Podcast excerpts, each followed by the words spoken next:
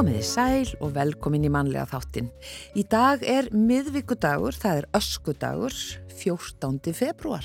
Já, og valentínusandagur. Já, akkurat fyrir þá sem haldi upp á þann dag. Já, en uh, að efni þáttarins, Jasmína Væsovits uh, vakti mikla aðtikli í umræðu þættinum Torkið sem var í beitni útsendingu fyrir rúmri viku hér í sjómarpinu og þar var rætt um hvernig okkur hefur gengið í inngildingu þegar kemur að innflytjandum.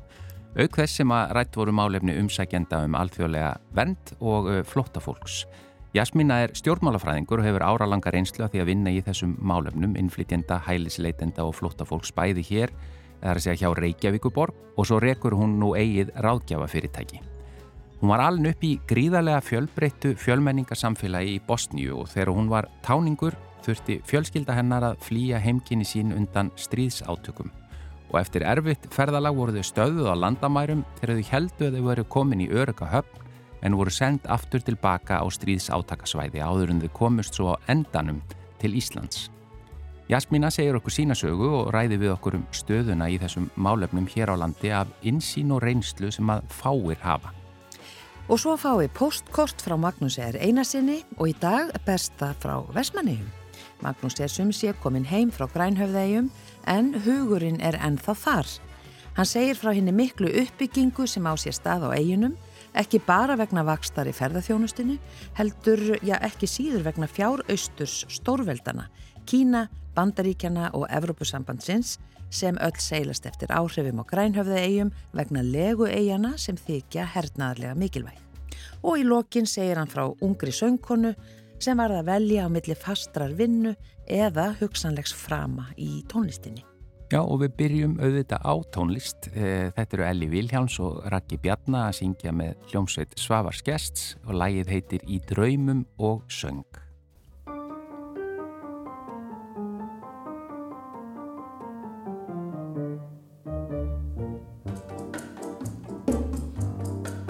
Manstu sunnudagskvöldin við Suðurlandsbraut þegar sólinn á jökulinn rann. Og láteiðan breyttist í gullslíkju glitt en glóði við fjallindum brann yfir borgina sveipuðust hikandi fljóð hinn hún skigðu sólmóðu tjöl allt var þrungið á vordraumum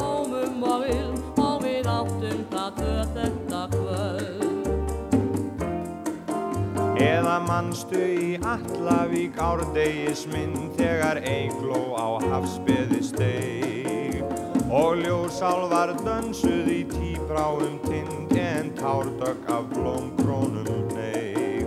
Þar ilmuðu bjarkir, þar ángaði reyr og árbylgjan leik sér við stein undir löfríkum krónum um gróandi grunn þá gengum við saman tvö heim.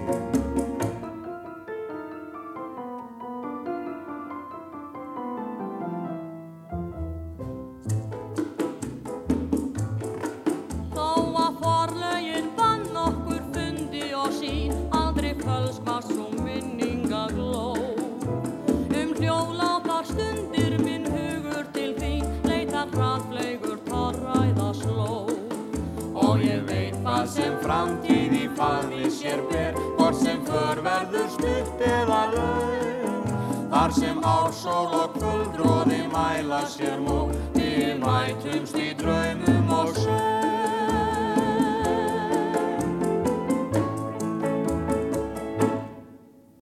Þetta er hljómsveit Svavars Gests, uh, lægið heitir Í draumum og söng, Elli Viljáns og Raki Bjarnar sungu það lag eftir Magnús Pétursson og textin eftir Ástu Sveinsdóttur. En eins og ég sagði frá í upphafskinningunni þá er hún komin hingað hún Jasmína Væsovits, uh, hún er stjórnmálafræðingur, fræðingur. hún var í alþjóða hjá alþjóðateimi Reykjavíkuborgar í mörg ár, nú rekur hún ráðgjafafyrirtækið Ítsó Uh, og er hingað komin. Hún var í þættunum Torgið sem var í beitni útsendingu fyrir rúmri viku, velkomin í manlega þáttin Já, takk fyrir. Og útskýrða aðeins fyrir okkur, þú varst að segja mér fallega sögu á bakvið nafnið á fyrirtækjunni Ísó. Já, uh, já hérna Ísó er í rauninu veru á höfuða pappa minnum uh, pappi minn heitir hérna, eða hétt Ísudín og þegar við komum til landsins fyrir mörgum árum síðan uh, það var svo svolítið erfitt fyrir margra að bera Ísudín. Þannig hérna þannig hann ákvað stýtta nafni og kalla sig Ísó. Uh, og margir sagt kalla, kalla náttúrulega kunni ekki segja seta, þannig að það var oft talað um S, ISO en hérna þannig þegar ég var að stopna fyrirtæki síðustu sumar þá hérna ákvæði að hérna hugsa lengi. Og mér fannst tilvaði að hérna að skýra á pappa minnum að því ég veit pappa minn náði bara ekki lífa, hann dó krabba minni árið 2016 og hann hefur ekki séð dóttur sína hérna í þessu hlutverk í dag að hún hefur allavega einhver áhrif og, og hérna að hún hefur útskrifað með tvær háskóla gráður og, og gengur vel lífin og ég veit hann myndi vera stoltur þannig það var mjög auðvelt þá að nefna fyrirtæki ís og rágjöf og hérna og ennskemtilega að ég ákvaða að skrá ekki fyrirtæki fyrir 19.10. því að hann á ammæli Já. þannig hérna þetta er algjörlega í höfuð á pappa minnum og hérna og hann er í rauninu veru bara minn fyrirmynd að því að hérna, hann hefur alltaf haft sterkar skoðanir, hefur alltaf tekið þátt í stjórnmálum og þess vegna hef ég kannski svona sterkar skoðanir fyrir samfélaginu og hérna og skipti mig af að því hann gerði þannig sjálfur. Og hérna Þú, þú varst svona lengi í alþjóðateiminu uh, hjá Reykjavíkuborg Ekki rosa lengi, þegar alþjóðateimi var stopnað hérna fyrir þremur árum uh, síðan. Uh, það var uh, það var náttúrulega starfandi, starfandi þessi tjónusta út um allan borg en það var ákveða samina hana í eitt teimi sem, sem heitir alþjóðateimi Þannig ég starfaði uh, í tvö ár, uh, rúmla, eða tæpla tvö ár hjá þeim, e, undir merkjum alltjóðateimisins. Já, en þú hefur mikla reynslu í málefnum innflytjenda. Já, já, ég hef starfað sko þar áður líka hjá Reykjavíkuborg sem verkefnastjóri og svo þar áður sem verkefnastjóri hjá Kópavóksbæjar og hérna og svo sem bæjafuttru og varabæjafuttru nefndamaður í Reykjanesbæ.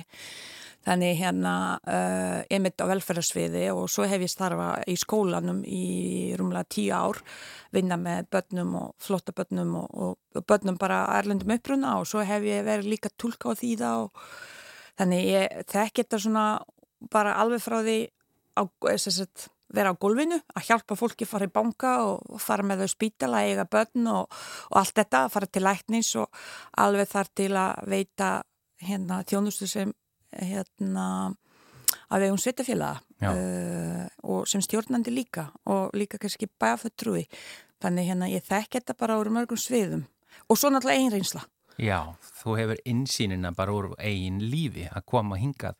Hvað varstu gömul? 13 ára? Ég var 15 ára, 15 ára kem já. til landsins og hérna kem beintu flottamann við vorum fjörskild á flottanum út í Bosníu. Já undan stríði og hérna og vorum í raun og veru uh, vorum ekki þegar við komum til Íslands þá vorum við í fyrst vorum við flottamannabúðum svo var okkur útla húsnæði en við komum í raun og veru beint úr þeim aðstæðum að flotta Já. til Íslands við snúðum aldrei heim fyrir en í raun og veru ég hef aldrei snúið heim ég er náttúrulega ennþá hér en mamma mín uh, ákvað að flytja út núna rétt fyrir COVID, bara nokkrum dögum fyrir COVID út, prófa að búa þar og, og hérna hún sem sagt snýr fyrir þreymur árum þannig hérna uh, í sín í heimabæn þannig þá er hún búið eiga heima á Íslandi í 25 ár Og þú þekki líka það að vera í stöðu flóta uh, fólks uh, sem að færi ekki hæli þar að segja þið reyndu fyrst að fara til Ungverðarlands, ekki Já. satt? Og ykkur var hafna þar. Já, uh, bara snúið við já, það er bara svipað í miðju stríði já, uh, þetta var 94 um sumarið. Uh, það var, það var orðið rosalega mikið ástand eða svona ógn ástand í okkar heimabæ. Pappi var náttúrulega neittur í, í, í, í nauðungavinnu uh, með hermennum uh, hérna yfir sér. Og nágrannar og, og, og fólk og vinafólk og var tekið og fangilsað og hérna sumir, uh, já, vantala drippin að því þau sumir hurfu og koma aldrei tilbaka. Þannig það var bara spurning hvena við urðum næst. Já. Þannig við vissum aldrei, þetta, við vissum aldrei þessi óvisa hver verður næstur.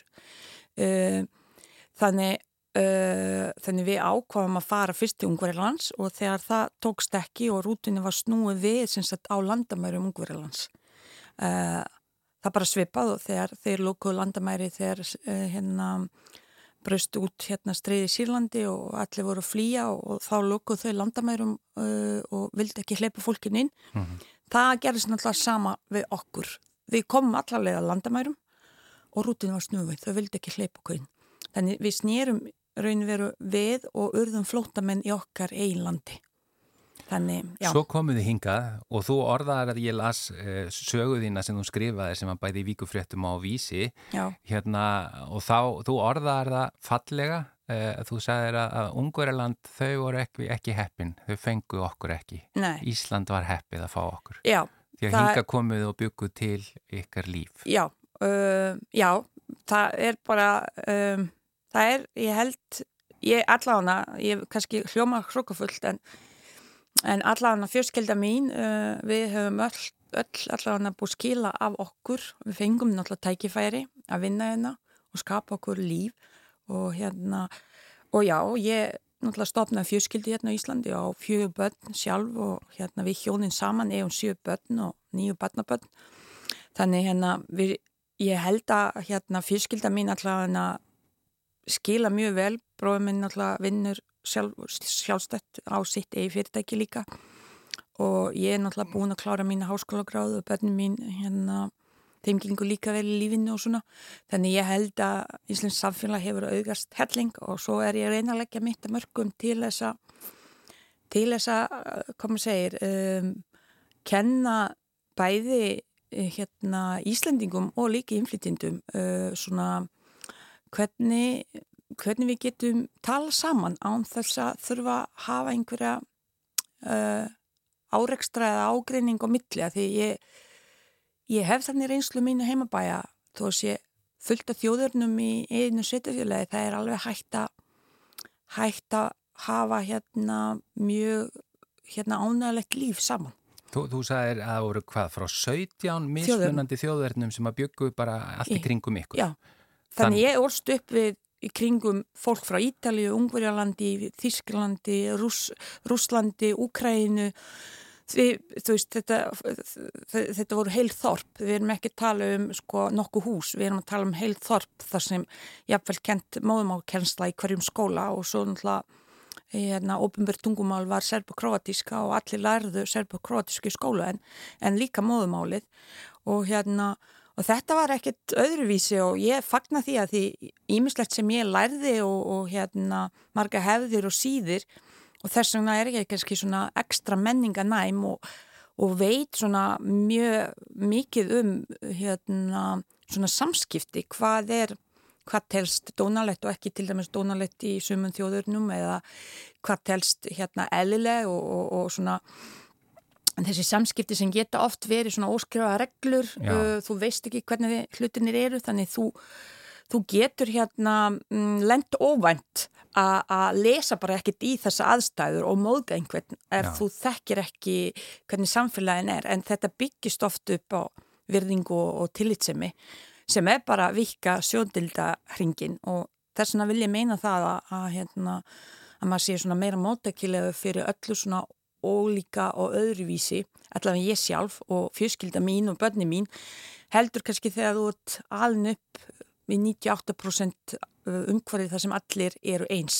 Já, þá þekkir þú ekkit annan Já, og, og það er með uh, að alast upp innan um svona fjölbreytt samfélag. Já. þetta orð er mjög gott, menninganæmi Já. það er bara, það er, maður þarf að stilla sig aðeins bara inn á næmnina að, að, að, og, og tillitsemi Já Það er bara snýst rosa mikið um það og snýst rosa mikið að geta verið næmur fyrir þó mér finnst til dæmis, ég tek alltaf þetta dæmi í, mínu, í minni fræðslu fyrir hérna skólana og hérna og fyrirtæki og samtök og jáfnveil stjórnmálaflokka þau hafa óskæfti minni þjónustu.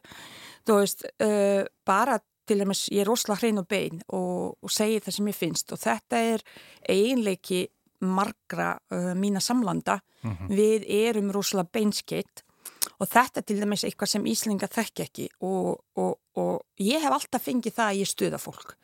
En það, það ég stuða fólk yfirleitt að því ég er rosalega hreinubein þannig ég þurfti svolítið sérstaklega í stjórnundastarfi að læra til dæmis að vera hérna setja slöfur, uh, orðarhlutinu öðruvísi, uh, miklu mikra og það er kunstur en Já. að því ég hef þetta nefni til þess að átta mig á svona hlutum og uh, er móttekileg fyrir að taka tillit það var þetta ekkit mál að tilenga sér það uh, en ég er mjög meðvituð um að, hérna, að ég sé mjög hreinskilin og það er svo fyndið að þó fólk sé að kynast mér í fyrsta skipti fyrsta sem ég fæ frá fólkinu er hvað er ég hérna, heiðarlega, eða þú veist, hvað ég segi það sem ég finnst.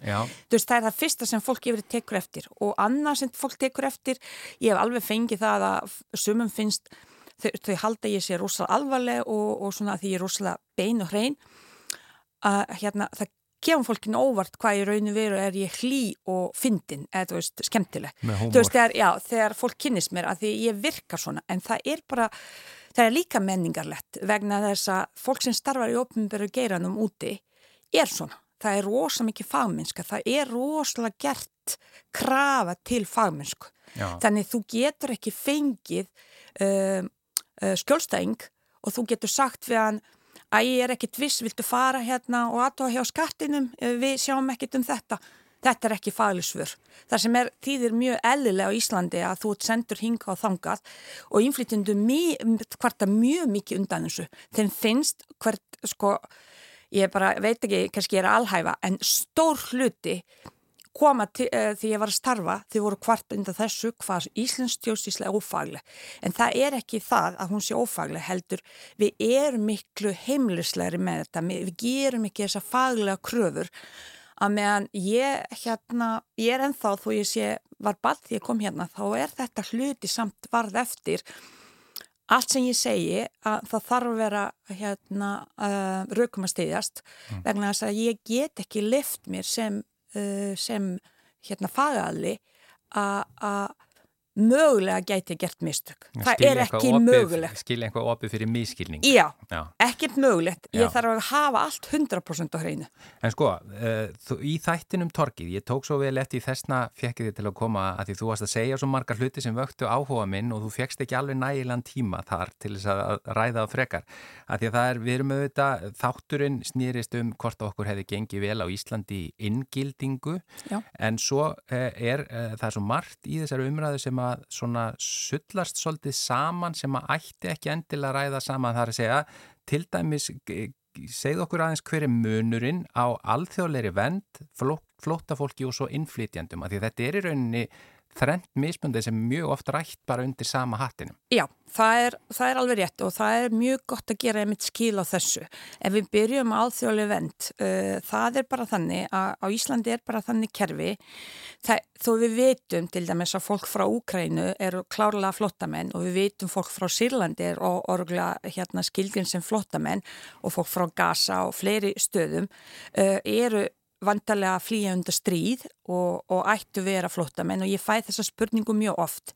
En þegar fólk flý svona stríð og kemur til landsins, til Íslands, uh, þó við veitum sér flottamenn, þá e- hafa þau ekki stöðu flottamanns vegna þess að það er ekki búið viðurkenna að alþjóðlega veðfangi að þetta eru raunveruleg flottamenn. Uh, þannig þau þurfa að fara í gegnum alþjóðlega vend, kerfi sem býður upp á að fólk sækir um alþjóðlega vend til þess að fá viðkenda stöðu flottamanns. Þó að við sjáum í fréttum stríðið í Úkrænu, þó að við sjáum stríð á Gaza Já. og allt, þá þarf samt að fara í gegnum það kerfi Já. að sækja um að vera Já. flottamanniski. Svo ég flæki stöðuna ennþá meira, þá erum við með svo kallar kvótaflottamenn sem við erum að fá, uh, fá svona áður en allavega Úkrænu stríði kom, þá vorum við að taka á bílinu 80 kannski til 100 og 110 á hverju ári. Uh, það fólk er sótt frá flottamannabúðum og þau eru búin að fá stöðu flottamanns. Þess vegna þurfa kvótaflottamenn ekki fara í gegnum alþjóðlega vend vegna þess aðrast alþjóðlega stopnarnir eru búin að viðurkenna þau sem flottamenn. Þannig við erum í rauninu meira tvö kerfi hérna eða jafnvel þrjú sem í rauninu veru uh, er þú getur fengið stöðu flottamanns.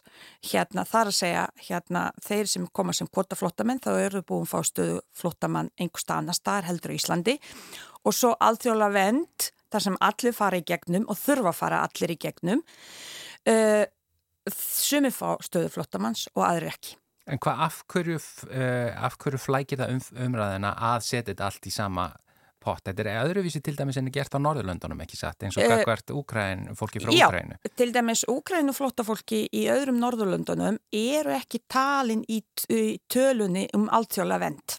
Þegar við erum að tala núna oft, það er búið að vera umræðinni, ofta við sem að taka, taka 4, 5, 6 túsund um, uh, manns í gegnum alltjóla vend.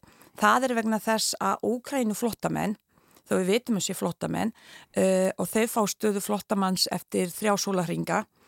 Uh, á Norðalunum fá þau ekki fara í gegnum kerfi sem heitir alltjóla vend. Já. Þau eru uh, svona, eins og ég var að útskýra hérna kerfi, þau eru skilgrendir flottamenn bara strax. Þannig að þau þurfu ekki að sækja um. Þannig þau þurfu ekki að sækja um, þannig þau fá stöðu flottamanns þegar þau koma inn til landsins að meðan hjá á Íslandi þurfa það að fara í gegnum alþjóla vend og þessar tölur 4-6 túsund sem er alltaf að bílunum 4-6 túsund sem er að vera að tala um, það er líka með tölunum með Ukrænu flottafólki þó það sé jafnvel 4000 uh, úkrænu flottamanna sem sækja um alltjóla vend og 1000 manns kannski sem sækja annar stað frá. Og það sem að skipti máli þá í því að því það er alltaf verið að bera saman tölur hjá okkur og við Norðurlöndin þá Já. er við rauninni ekki að bera saman sama hluti. Nei, við erum ekki að bera sama hluti og það er það sem er mjög ósangjart í þessu umræðu og það er það sem við erum alltaf að reyna að benda til. Hér er ekki samkvæmt höfðatölu ef við tökum þessi, e, segjum það ég held sé að þessu ári sé 3500 sem sóttu um frá Ukrænu ef við tökum þessa tölu frá e, alþjóðlega vend og, er, og, og reknum það þá bara eins og til dæmis á Norrlöndunum Já, þá er, það, þá er, þá er þetta hérna, jafnvel hérna þá er það að þá eru tölurnar svipar og eru á Norrlöndu og jafnvel læri heldur annar starf. Þannig hlutvarslega og jafnvel af þessu segjum af þessum þúsund sem er að, sem er að koma frá öðrum löndum sem sækja um uh, kannski 250 til 350 fá vend. Þannig hérna það er ekkert eins og það sé hérna það er ekkert allir þúsund sem fá vend hér. Já. Hérna það er bara hluti af því og það er yfirleitt eitt þriðji sem fæ vend í gegnum árin ef við skoðum tölunar í gegnum síðustu, segjum það frá 2016, þá er eitt þriði af fólki sem sækjum vend sem er að fá í raun og veru vend og hinn eru sendir úr landi. Já. Og svo er það stæsti flokkunum sem eru innflytjendur, sem er, það er, ég menna, 2000 manns hér sem er vinnuafl og, og stundum er öllu þessu, öllu hrægt. Já, og innflytjendur náttúrulega geta verið, hérna, þetta er náttúrulega stæsti hópur á Íslandi, það er hátt uppi 70.000 manns. Uh, ég held sé, minnum mér ániti, hérna, hún emitt ásildur sagði að það varu 73.000 emitt í þættinum torkið, mhm. -huh. innflytjenda á landinu. Það er stæsti hópur og það er yfirleitt fólk sem kemur frá ESB-rík og hérna og, og, og, og langt flestir eru náttúrulega stærsti hlutir frá Pólandi og Litáen uh, kemur þar eftir og svo bara önnurlund þannig hérna og það er fólk sem sest að hér uh, sem er að velja í raun og veru Ísland til að setja stað, mhm. vinna, stopna fjörskildu sumir vilja setja stað og búa hérna til lengri tíma, aðri setja stað og vinna kannski hlutast, eða hluta ársins, jafnvel sumastörf eða vetrastörf og er að uh, vertið og fara svo bara aftur til heimalandsins en það fólk hefur miklu tiltöla auðveldara til að komast inn í landið vegna þess að þau, er, þau þurfa bara að uh, finna sér hérna vinnu mm -hmm. uh, þau geta komið til landsins og verið hér í þrjá mánu og ef þau finna sér vinnu þá geta þau bara komið og sest að og þau fá atvinna og dvallefi ánspurningar. Og svo þetta með að, að sko þau sem sækjum alþjóðlega vend, það getur tekið gríðala langan tíma að fá uh, fara gegnum það kerfi og Já. meðan þá máttu eiginlega ekki gera neitt. Nei, og meðan ertu bara, samkvæmt lögum, þá ertu ekki vinnu og máttu ekki vinna uh, og það er einmitt það sem við, við erum að benda uh, við sem náttúrulega, við, það, þegar ég segi við, sérfræðingar, þú veist, ríkistjórninni og fleirum sérfræðingum sem eru að vinna, það er í raun og veru galli vegna þess að uh, sko uh, það eina leiðin til þessa fyrir þriðuríkin eins og ríkin eins og vorum að nefna frá Gaza eða, hérna, eða Sýrlandi eða einhvern miðausturlundum eða, eða bara þess vegna Úkrænu eða hérna, Japan eða annar stað frá eða jafnvel hérna, Lundin frá Suðu Ameríku fólk kemst ekki inn í landi nema í gegnum alltjóla vend. Já. Þannig það þyrti vikka í raun og veru uh, að fólk getur sótt um, svipað og ESB-ríkin er að gera. Þú getur hérna fundi, komið og fundið vinnu og þegar þú finnur vinnu að þú getur komið og hérna unni hér. En kerfið er svo flókið vegna þess að öll ESB-ríki og allir hérna sem vinna þar innan því svæði hafa forgang. Þannig segjum það ef ég sækjum vinnu sem frettamæður hér og hérna og þið er alveg tilbúin að ráða mig í vinnu hérna og mm -hmm. bara gegjað, þið getið það ekki vegna þess ef einhver, einhver frá ESB-ríkjum, segjum það frá Þískilandi, einhver önnur kona frá Þískilandi er hérna vill líka vinna þá þurfið því að ráða, ja. þá hefur hún forgang heldur hinnir. Þannig það þyrti vika kerfi að því það búið sína sér svo, svo, svo augljóslega fólk sem kemur hérna eins og frá Venezuela þáttaka þeirra á, á vinnumarkaði yfir 90%. Þegar þau eru búin að fá samþykta umsókna. Já, umsókna þá er 90% sem eru á vinnumarkaði já. sem er töluvert hellir tala heldur nokkuð tíma íslendingar. Og farin að skila þá til samfélagsins. Já, og, er, og það er einmitt svo ósangjart þegar tölurnar um, um, um alltjóðlega vend að segja það kostar 20 miljardar en hvað kostar, uh, uh, hvað, hvað skila það fólk til samfélagsins sem búin að fá stöðu og sem fara út að vinna, hvað eru þeir að búa að skila inn í þetta kerfi þá pening? peninga því við vitum það alveg þegar fólk er að fara að vinna það er að fara að skila einn tekjum mhm. -huh. og það er gífurlega hérna uh, mannauður í því og líka hérna mikið hagfræð í því að, að koma svo inn í samfélagi og geta unnið og borga í sammeila sjóðin okkar það segir sér sjálf og Úkræna menn alveg eins þeir Já. eru allir þátt okkar þeir eru líka mjög há Já, hátt í 80% Já, já, þú veist. Sko bara rétt í lokin að því að ég vildi húska þess að ég geti hatt miklu lengur já. en hérna að því þú, við berum okkur svo oft saman við Norðurlöndin já. og þú varst með bendir á að það væri mögulega hægt að skoða líka hvernig Kanada eh, búar er að gera, hvernig Kanada er að gera í þessu málum, útskýra aðeins munin á þessu. Sko, uh, það sem ég, ég er svo hrifin að Kanada og það sem skortir hér á Íslandi það er þetta samráð. Uh, Kanada gerir þetta, þú veist, ég er ekkert að segja að það sé fullkomi kerfi en það er mun betra kerfi heldur við höfum nokkuð tíma höfum.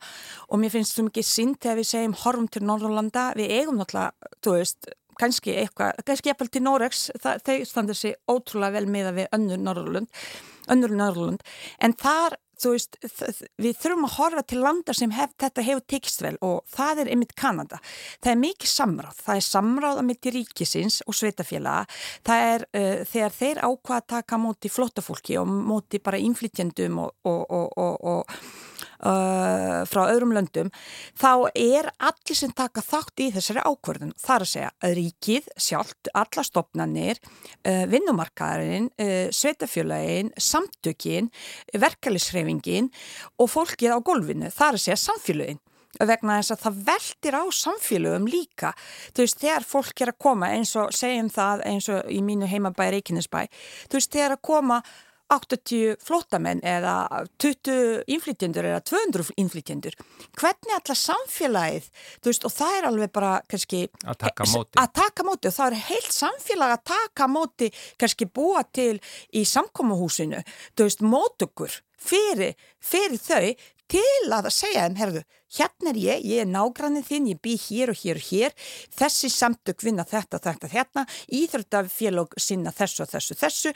Og svo bara, þú veist, okkur vantar Uh, 20 smiði, uh, 50 hugrunafræðingar, 10 fréttamenn og ég veit ekki hvað og hvað það er ákveð okkur vandar og það er vinnumarkaðin, verkefliðshreyfingin, svetafjöli, ríkistjórnin, samþykja slíkt í samráði að meðan við erum hér, við höfum enga tölu, vinnumarkaðurinn, atvinnulífið er í raun og veru flytja inn fólk, þú veist, eftir þörfum, mm. uh, engin annar að skipta sig af hvers konar fólk þetta er, hvað okkar fólk, hvað okkur vandar, hver er þróun næstu 20 árin, þú veist, hvað við þurfum að næsta ári, hvað þurfum næstu 5 ár, næstu 10 ár, næstu 20 ár. Það verðist vera planað fyrirfram. Ég get fengið tölu núna frá Kanada hvað þau ætla að taka mörgum. Það er í kringu 500.000. Þetta er allt planað. Og allt samfélagi tekur þátt í því. Akkurat. Það sem er allt öðruvísi heldur hér og, og öðruvísi heldur að gert á Norðurlöndunum. Eins og segi, næst sem kemur næst svona Kanada, uh, normenn hafa gert þetta vel en það er samt uh, ákveðnar hérna, uh, það er ákveðin samt tókstreita þar líka að hérna, en ekki eins og í Svítjótt til dæmis. Mm. En það sem við erum að gera líka, uh, það sem ríkið er að stunda á Íslandi, er að einmitt að búa til einmitt svona getto eins og uppi ásbrú hjá okkur og, og í hafnafyrði og, og það er rétt mæg gaggrinni á þetta. Við þurfum, þú veist, þegar við erum að hrúa fólki í tvæð, þrjá blokkir mm. og bara það fólk, þá erum við að stimpla ákveðin kerfi, hverfi og svo erum við að búa til, um, búa til hérna uh, innflytjendur og flottafólk eða alltjáðvend, þetta er ekkit eitt hópur. Þú veist, ég sé mig anda uh, að hrúa öllum hérna uh, Ísraelsmönnum, palestinumönnum, hérna sirlendingum, úkrænumönnum í eina blokk, 20 íbúðir og fleirum, jafnvel. Mm. Þú veist, Þa, það segist í sjálf, þetta mun aldrei ganga upp. Það er ólíkar menningaheima, ólíkir árekstrar, svo síðan út fyrir hérna út fyrir, hérna, út fyrir það samfélag þá er þetta Íslands samfélag líka Já. sem skapar áreikstra fólk hafa ekki þetta aðlunahæfni við erum að strax að gefa merki. Já þið eru bara útskúfuð þið þurfum að búa sér stað þið þurfum ekki að blandast íslensku samfélagi. Það eru skilabóðin sem þau fá. Já það er skilabóðin sem þau eru fá. Í já. staðin fyrir að blanda þessu saman.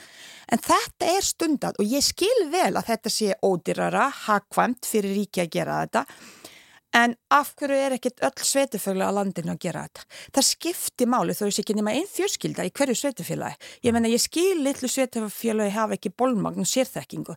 En af hverju erum við látað það stoppa okkur? Af hverju erum við bú, ekki búið til þessa sérþekkingu?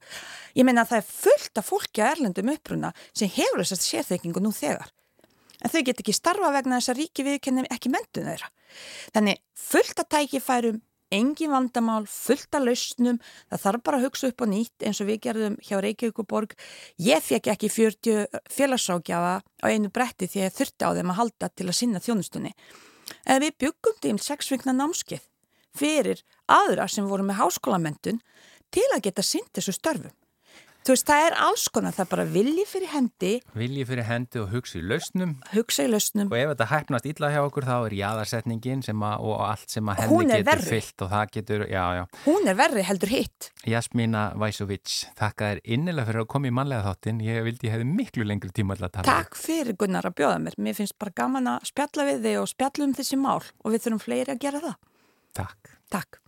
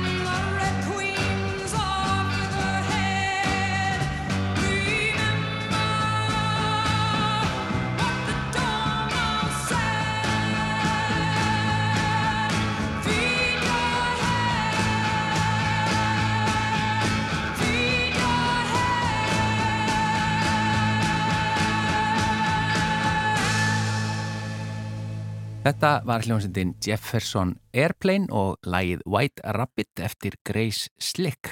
Og þá er komið að postkorti frá Magnúsi R. Einarsinni. Heil og sæl.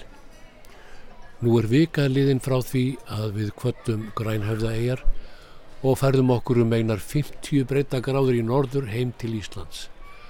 Þetta eru töluverð umskipti sem tekur smá tíma að venjast ekki síst úlpuveðrinu eftir að hafa sprangað um og stuttbuksum, ból og sandölum í heilan mánuð. Það vottaði alltaf fyrir smá vorkun eða jafnvel hryllingi þegar fólkið þar siðra áttaði sig á því hvaðan við komum. Það sett upp skeifu, hristi sig og sagði fríó, fríó, kallt, kallt.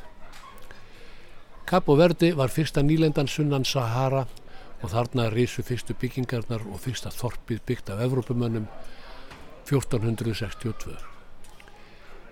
Eins og ég sagði síðasta postkorti þá hefur tilverðan á þessum eigum verið hörð og óblíð í gegnum aldirnar vegna þurka og vastleysis, jarðvegurinn er snauður og lélugur til ræktunar. Þá sjaldan þegar rignir, þá hellir rignir og það verða flóð sem eigða jarðveginum og vatnið leipur í sjó fram og hækka lítið sem ekkert grunnvarstöðuna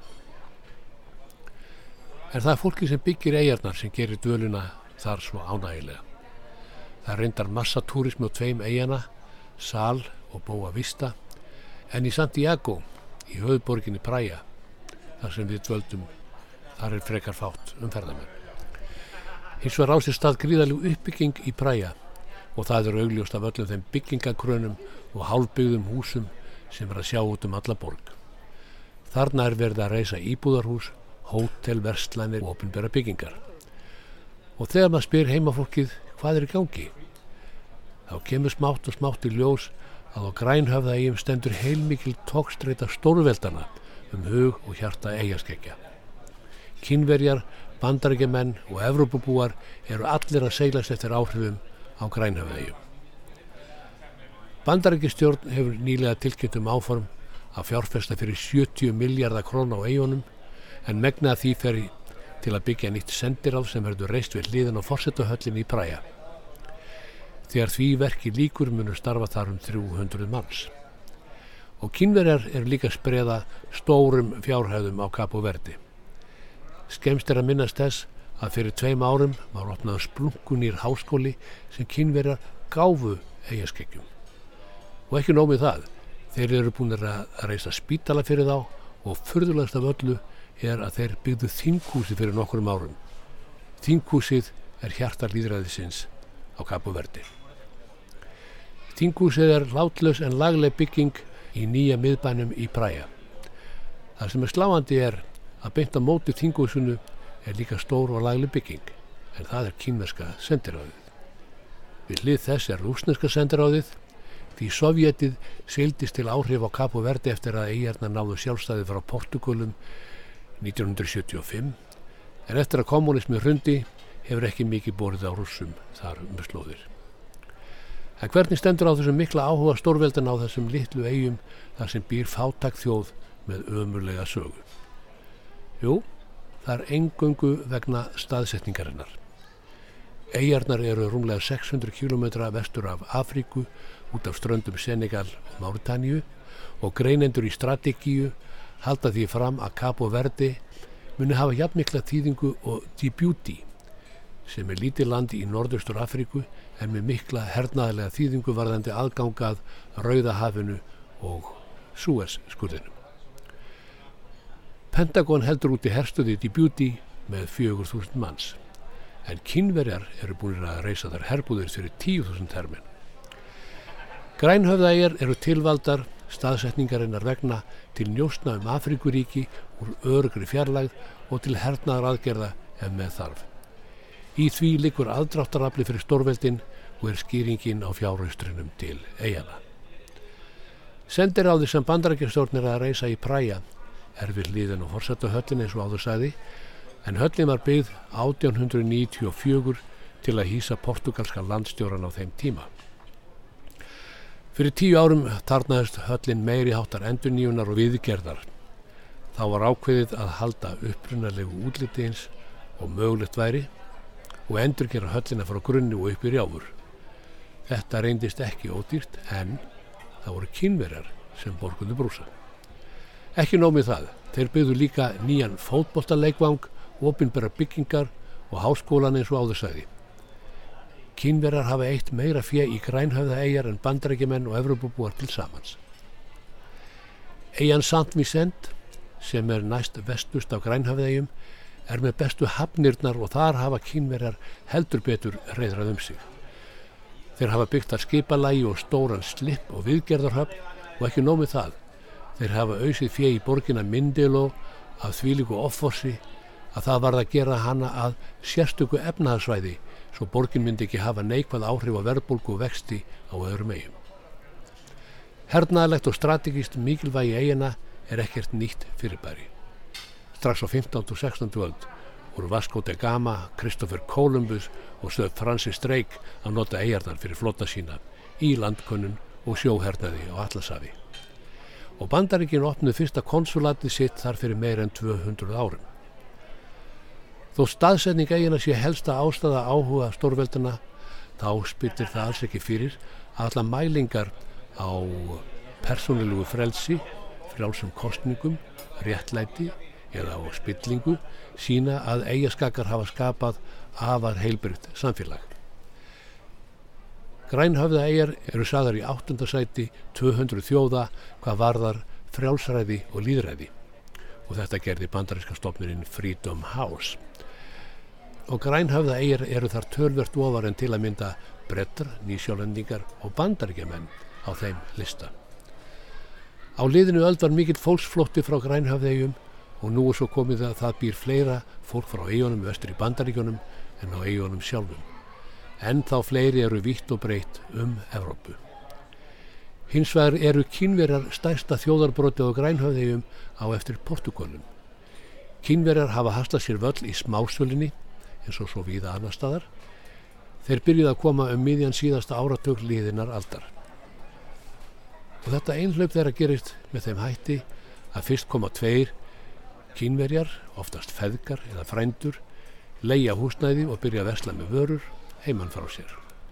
Vörurnar eru ódýrari en þær frá Evrópu og Afríku og gæðin alveg þólaleg. Svo eikst þetta smá saman og núna eru eitthvað fleiri en 200 veslanir í eigu kínverja á eigunum. En það er ekki bara smákaupmenn og ríkistjórnin í Kína sem hafa áhuga á grænhöfða eigum.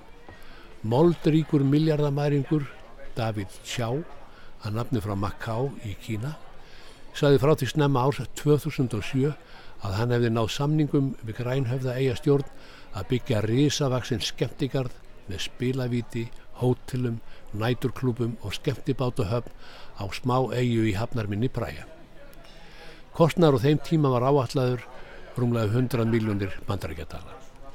Og ekki nómið það, David Sjá hugðist fara í miklu meiri fjárfestingar og uppbyggingu á grunnstóðum í borginni, í vegagerð, byggja orkuver og stólbyggingar. En nú er allt komið í hnút. Núna 17 árum síðar stendur stærðarinnar hús gal tomt á lóðinni og brú yfir á litlu eiguna en ekkert meir.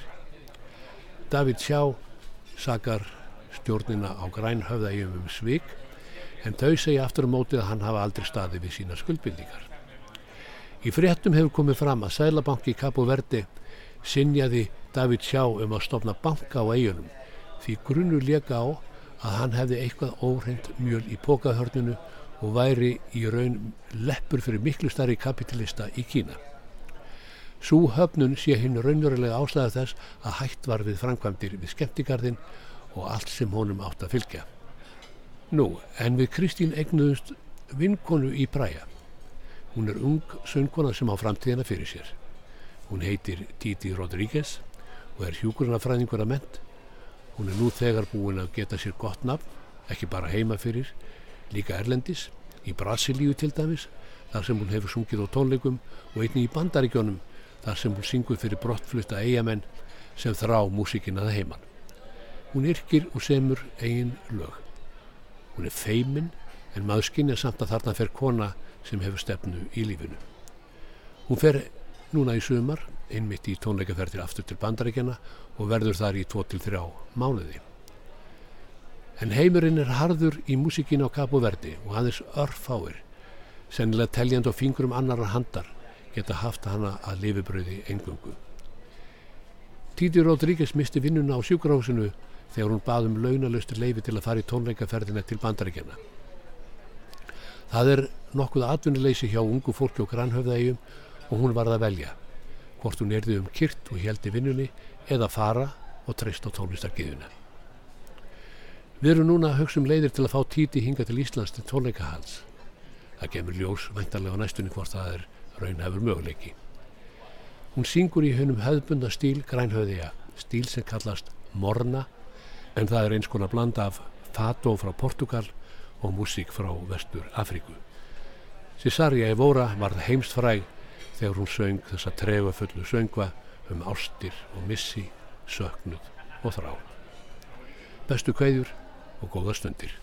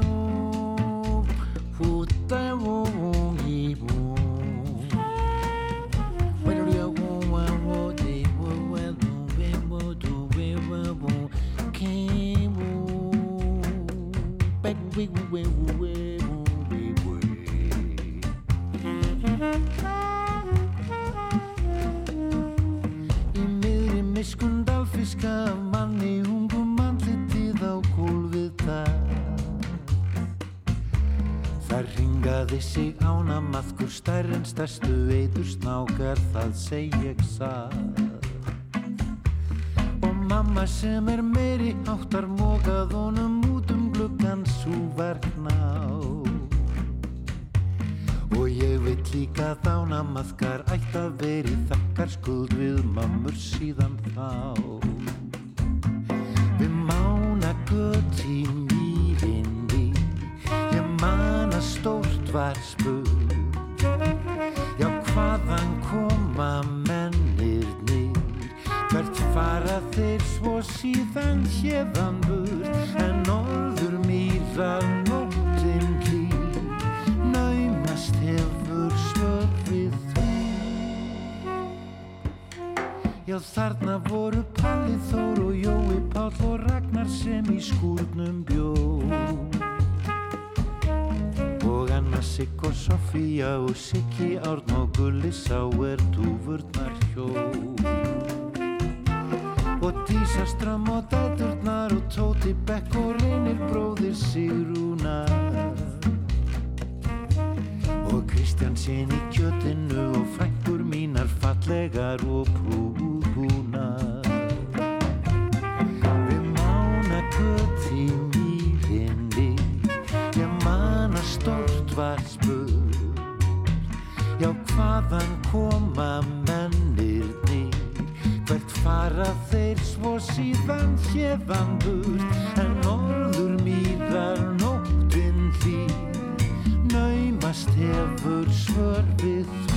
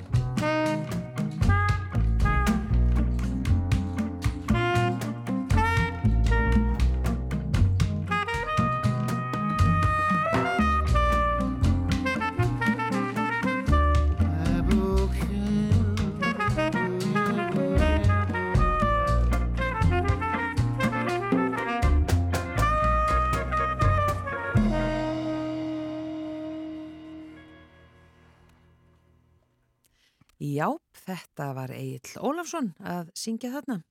Við mánagötu í Mýrinni lag og texti eftir hann af nýju plötunni. E, Eitun ekki eldu endi, minni mig. Ég var að vona og myndir ekki spyrja mig, Nei. en jú, ég held það. Já, já. Já, en þetta var semst lokalagi þættinum í dag. Eh, Við verum hér auðvitað aftur á sama tíma á morgun. Já, þökkum samfylgdina. Verið sæl.